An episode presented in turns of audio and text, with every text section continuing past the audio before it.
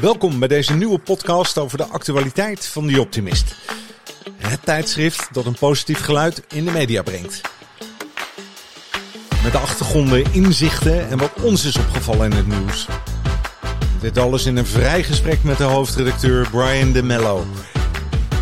Natuurlijk kun je de onderwerpen terugvinden in het laatste nummer van The Optimist. Kijk voor meer informatie op theoptimist.nl. Deze podcast wordt eenmaal per twee weken gemaakt en mijn naam is Erik Hallers.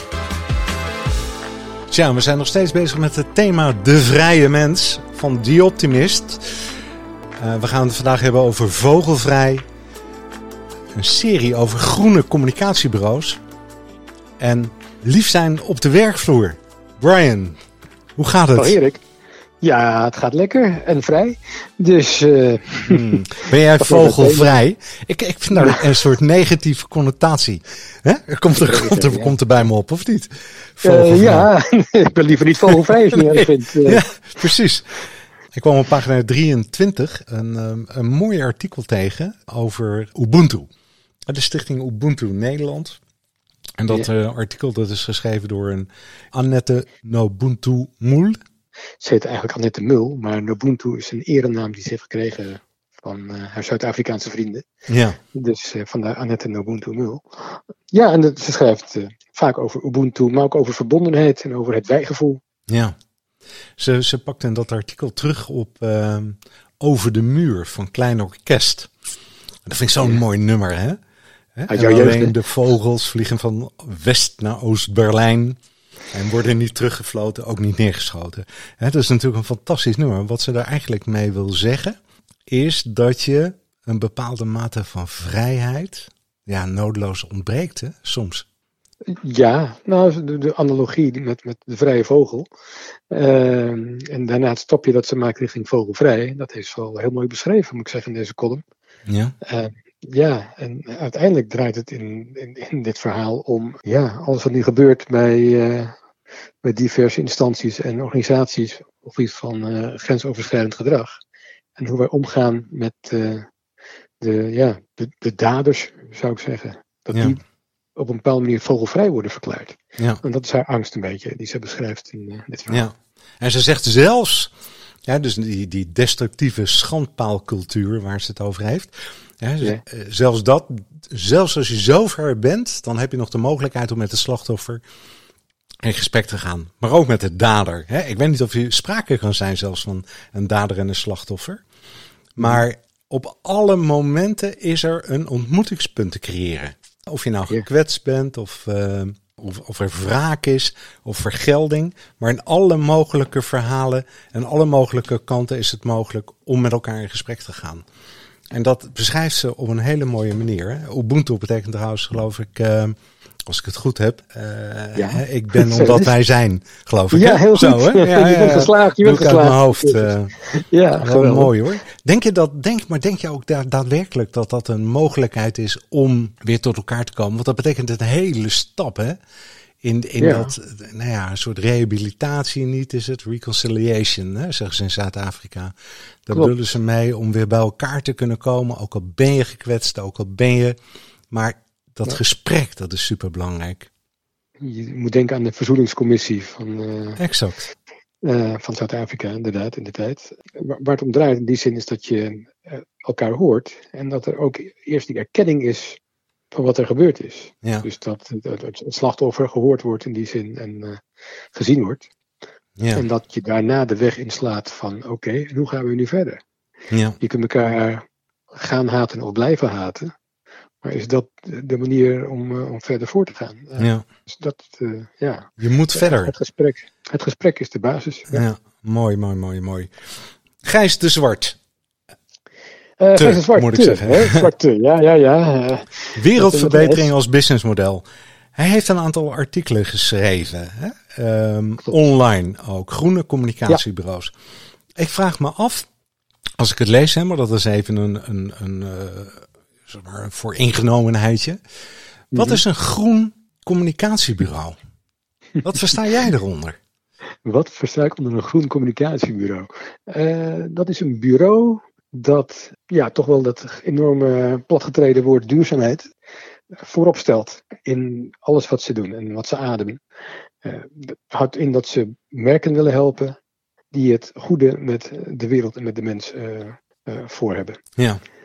Klinkt een beetje academisch misschien zo, als ik zo beschrijf. Nee, natuurlijk niet. Maar nou ja, je moet ze de kost geven, de bureaus die het puur doen om, om de, de platte winst. En ook daar redelijk gewetenloos in zijn in wat ze communiceren naar de markt. Ja. Uh, we hebben, ooit hebben we lang geleden uh, reclame voor sigaretten gehad. Op allerlei soorten manieren. Via billboards, op tv, uh, noem maar op. Nou, dat zie je nu niet meer. Ja. En daar een reden voor. Nou, ik denk dat als iemand, nou, zoals zeggen, 20 jaar geleden had geroepen van dat moet nu stoppen. Of, of 30 jaar geleden, die was vierkant uitgelachen.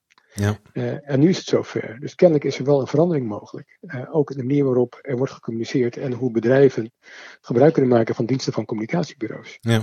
En, en de stap die hierin wordt beschreven in het artikel van Gijs, die beschrijft eigenlijk hoe communicatiebureaus echt een keuze hebben hoe, in hoe ze werken en voor wie ze werken. Op zich een hele mooie reeks die hij online voor ons heeft gemaakt. En hij heeft dat nu uh, heel kort vervat in het artikel, maar ook pratend met een aantal deskundigen echt academici, die, uh, die onderzoek hebben gedaan. Hoe bepaalde ja. dingen werken of niet. Ja. Uh, hij heeft het over het PR-bureau Blijden. En, en toen, ik, toen dacht ik, ik zou je zeggen waarom ik er een beetje over aarzel. En uiteraard niet over dat bureau, hè, daar heb ik het helemaal niet over. Heel aardig gedaan. Maar het, het, gewoon, het wordt gewoon PR. -hmm. Dat is eigenlijk marketing in de publieke ruimte, toch? Mm, ja, public relations, ja. Ja, zoiets. Hè? En, en dan denk mm -hmm. ik altijd, als ik, ook als ik aan marketing uh, denk, hè, dan gaat het ook vaak over het, dat je toch iemand probeert te overtuigen om jouw producten te kopen. Hè, of om je ja. uh, op een, een, bepaalde manier mm -hmm. voor te stellen in de markt of neer te zetten. Hey, PR is niet alleen maar vertellen wie je bent. Hè, maar er zit een strategie dat, en een missie. En een oh, maar dan hebben wij een leuke discussie. Uh, dan hebben wij een leuke discussie, Erik. Want uh, er zit een aanname in. Want het lijkt dan alsof je geen geld mag verdienen als je iets goeds wilt doen. En dat is eigenlijk waar het artikel ook over gaat. Van, uh, het heet ook wereldverbetering als businessmodel. Ja. Ook merken die het goed doen, die moeten geld verdienen. Ja. Anders kunnen ze niet doorgaan met goed doen. Ja. En dat je daarvoor een machine aan moet zetten om met de markt te kunnen communiceren, en noem het PR of noem het marketing, je moet je boodschap kwijt kunnen, anders weet niemand dat je bestaat om te beginnen. Ja. En in tweede instantie, je weet, weet ook niet hoe goed je dan bezig bent. Ja. Dus dat verhaal moet verteld worden. En ja, dat ze dan gebruik maken van diensten van communicatiebureaus of PR-bureaus of marketingbureaus. Ja, dat is even de wereld waarin wij leven. Uh, dat, uh, dat de dominostenen die, die kant op, uh, op, op rollen om in beweging te komen. Ja. Zeg geheel. Ja. ja, dus ik snap je twijfel wel. Aan de andere kant, geld verdienen is niks mis mee als je het maar eerlijk en conscientieus doet. Ja. En natuurlijk wordt Paul Polman hè, als voormalig CEO van Unilever aangehaald. En ja. uh, hij zegt daar een hele hoop over, hè, maar het moet uiteindelijk ook goed gaan bij de betrokken mensen, de planeet en de winst. Ja. Aan de winst, vraagteken. Ja, natuurlijk mm -hmm. moet de winst gemaakt worden. Hè. Dat is een helder uh, verhaal. Maar ik, uh, sorry dat ik er toch nog een keertje op terugkom. Marketing, kan ik, dan, kan ik dat ook beschouwen als manipulatie? Oeh. Uh, manipulatie. Um, manipulatie heeft de connotatie van iets heel negatiefs. Ja. Uh, dat ik wil winnen ten koste van jou. Ja.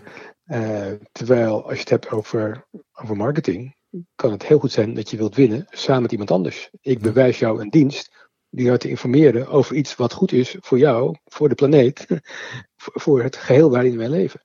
Ja. Dus in die zin denk ik dat je ja, niet echt van. Laat ik zo zeggen, als je praat over de bureaus die hier in het artikel staan, uh, vind ik het uh, niet correct om over manipulatie te spreken. Nee. Maar ik denk wel dat het het is. Hè, want mm -hmm. ook probeer je op een bepaalde manier mensen te stimuleren om het bewust. Uh, nou, ja, je thema heet zelfs hier zuiver zakelijk, bewuster zaken doen. Hè? Dat staat erboven mm -hmm. het artikel. Yeah. Ja, dus je streeft ernaar mensen zover te krijgen, ook dat ze op een bewustere manier uh, gaan leven, communiceren, uh, produceren, consumeren. Nee, dat dat, dat we met z'n allen eigenlijk die verantwoordelijkheid hebben voor een sustainable omgeving, hè, waar we met elkaar van kunnen profiteren eigenlijk. Hè? Misschien is dat wel een mooi woord. Ja, met Eh, profiteren, ook zo'n mooi woord. Ja, nou, er zit ook meteen al vast, hè? Profiteren, profiteren. Ja, maar nu heb ik net een, Ja. een, een potje bio-yoghurt gegeten. Nou ja, daar profiteer ik toch ook van. Ja, ja, zeker. Je hele lichaam profiteert ervan als het goed is. Maar, kortom, eh, een buitengewoon interessant artikel van Gijs. En het zet me gewoon aan het denken, maar het maakt me ook eh, eh, een soort van alert altijd. En dat is goed. Ja, Weet je, want Ja, dat is dat ook is natuurlijk het doel van eh, de optimist. Niet alleen om Mhm. datgene toegeschoven te krijgen wat, wat er lekker in gaat en wat makkelijk is, maar het moet ook schuren. En je moet er ook ehm, ja, geïnteresseerd in, eh, in raken in het onderwerp en dat je over dingen na gaat denken. En pas dan kun je naar bewuster zaken doen gaan. Ja. Nou ja. maar ik zet deze discussie graag met jou voort na de podcast. Ah. Nee, dat, eh, Het derde artikel van vandaag. ja. bewuste zaken doen. Ehm, de onderschatte kracht van aardig zijn op de werkvloer. En kan je daar een anekdote over vertellen? Vertel. Ik zei vroeger ook altijd, ja, ik wil gewoon met aardige mensen werken en ik wil ook voor aardige klanten werken. Nou, men vond dat niet professioneel. Oh, we kunnen elkaar wel een hand geven, geloof ik. eh, dat betreft. Dat vonden ze zo vreemd. Ja, nee, het gaat toch Uh-huh. over professionaliteit en dat je wat leert en de aandeelhouders en eh, dat je je afspraken nakomt en commitment en eh, noem maar op. Nou, ik zei, weer, ja, ik wil gewoon het liefste, het liefste, hè, daar gaat het alweer, Mhm. zaken doen met aardige mensen. Wat, wat, wat zijn jouw, wat is, wat is jouw beeld bij een aardig persoon? Dat heeft, eh weet de goede man, Lennart Thoma, van wie het artikel is, die heeft dat heel mooi beschreven ergens. Eh, het is vriendelijk, positief, geïnteresseerd, betrokken en behulpzaam zijn. Dat vond ik wel een aardig uh, allesomvattende definitie die hij hanteert in dit stuk. Ja, en ik, ik, ik sluit me aan bij jouw uh, filosofie hoor, van, uh, van vroeger. Uh, willen werken met aardige mensen en voor aardige klanten. Dat, is, ja, dat is ook wel de basis, denk ik. Want uh, wat, als je dit omschrijft zo, dat aardig zijn, in wat ik net beschreef, dan, dan heb je toch een hele waaier aan, aan, aan, aan talent en aan, uh, ja, dan komt het grote woord, liefde om uit te delen aan datgene waar je mee bezig bent. Exact. En wat je daarvoor terugkrijgt, is toch ook weer datzelfde. Ja. Dus die liefde. Ik, ik denk dat dat de, de, de, ja, de, de wereld van het bedrijfsleven zoveel prettiger gemaakt. En ik, ja, luister, ik heb ook de, de of Wall Street gezien hoor. En ik weet, ik heb ook bij grote bedrijven gewerkt vroeger. Ik weet hoe het eraan toe kan gaan. Maar ik heb me ook wel eens verbaasd van hoe mensen zich dan in een, in een rol manoeuvreren om niet aardig te lijken. Ja. En, en ja, als je dat kunstje eenmaal doorziet, moet je eigenlijk zo hard erom lachen. Dat, nou ja, daar kan ook een aparte boom over opzetten. Terug naar het artikel. De onderschatte kracht van aardig zijn. Waarom zou dat onderschat zijn? Nou, eigenlijk om exact datzelfde wat jij net aanhaalde. Als je aardig bent op de werkvloer, krijg je al gauw het, het, het etiket van watje of uh, niet professioneel, wat je net aanhaalde. Uh, terwijl de, de kracht van aardig zijn, daar zit ook een stuk respect in naar elkaar. Exact. Ja. Nou, je had een heel mooi, een mooi voorbeeld van een leidinggevende die aardig is. Wie haalt het dan in zijn hoofd om die man bewust of vrouw bewust onderuit te halen? Terwijl als het een hork is, dan zijn de drempels een stuk lager om iemand ja. de hak te zetten. Ja. Zo werkt de menselijke natuur nu eenmaal. Ja. Dus uh, alleen dat al is, is een, ja, een, een, indicatie van hoe het kan gaan. En hoe goed het kan zijn om gewoon wat aardig te zijn voor elkaar. En elkaar ook te helpen.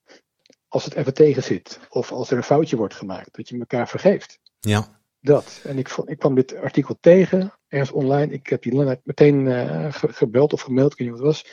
Van joh, dit is zo'n mooi artikel. Mag ik het overnemen in die optimist? Van dit past zo goed bij ons blad. En uh, hij reageerde daar heel aardig op, kan ik je vertellen. Ja, hij is organisatiepsycholoog. Hè? Ja, ja, ja, ja, ja. Een hele bijzondere. Een hele bijzondere. Weet je wat mij opgevallen is? Nou, daar eindigen we mee.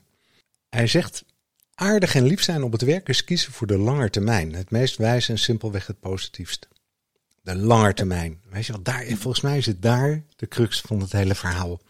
Ik wil dit, ik wil dat, en zus en zo, en het moet en dat. He, dan, dan, dan proef je al uit dat dat korte termijn gericht is. Ja. En ja, langer termijn, dan zijn de effecten die zijn ook pas op langere termijn zichtbaar. Bijvoorbeeld meer cohesie of meer creativiteit, meer gesprekken, meer voor elkaar over hebben, elkaar meer helpen. En minder naijver, jaloezie. Maar dat dat, dat effecten zijn die op de lange termijn zijn. Ja, en heel vaak in het bedrijfsleven gaat het natuurlijk niet over de lange termijn. Het gaat over de korte termijn. Deze maand. Salarissen moeten betaald worden. Ja, ja, zo gaat dat. Het is niet anders. maar dat, hij schrijft zelf de oplossing. Ik denk dat daar iets in zit. Dat het een langer termijn effect is en daarom een beetje naar de achterkant ook geschoven wordt in weerwil van alle professionaliteit. Kortom, Lennart, een mooi artikel geschreven. Gaat hij meer schrijven? Of? Nou, ik hoop het. Ik ga hem wel volgen in ieder geval. Als hij weer mooie dingen produceert, dan uh, ga ik wel eventjes uh, contacten. Ja. Maar uh, ja, wat je zegt, als dit artikel al mensen ertoe zet om eens met elkaar in gesprek te gaan over dit onderwerp, dan ben ik ook ontevreden mensen. Dus, ja, zeker. Wanneer komt de nieuwe optimist? 25 juni 2022. Zo is dat. Want 30 juni is de? Het grote evenement. Juist. Inspiratiedag, de tussenruimte. Ja, ik vind dat die 30 juni, die, die pakt me. Um, ja, zijn er nog kaarten? Er zijn nog kaarten. Het begint nu wel behoorlijk te lopen, merk ik. En ook omdat uh, Ron van S op LinkedIn onder andere allerlei mooie verhalen post met details over de sprekers. Ja. Als je die niet gezien hebt nog op LinkedIn, zou ik ze even opzoeken. Want ja, uh, ja ze zijn soms tranentrekkend, maar wel heel erg uh, heel erg ja. te lezen. Ja. Kun je vast een, een, stukje oplichten van wat het thema wordt voor uh, volgende keer? Mag nog niet. Ja. of wil je daar één podcast nog tussen hebben? Nee hoor, ja, er komt nog een podcast tussen. Maar ik kan je vertellen, dat gaat over het uh, ons gezonde verstand. De volgende, of uh, ja, het volgende nummer. Ja. Uh, en daar heb ik onder andere Erik Scherder voor geïnterviewd. Oh ja, ja, ja. jou wel bekend. Ja. Maar er staan ook meer leuke verhalen in hoor. Over ons verstand en wat we ermee doen of laten. Mooi, mooi, mooi. mooi. we zijn aan het einde gekomen. Yes. All the best. Tot gauw. Tot ziens. Dag.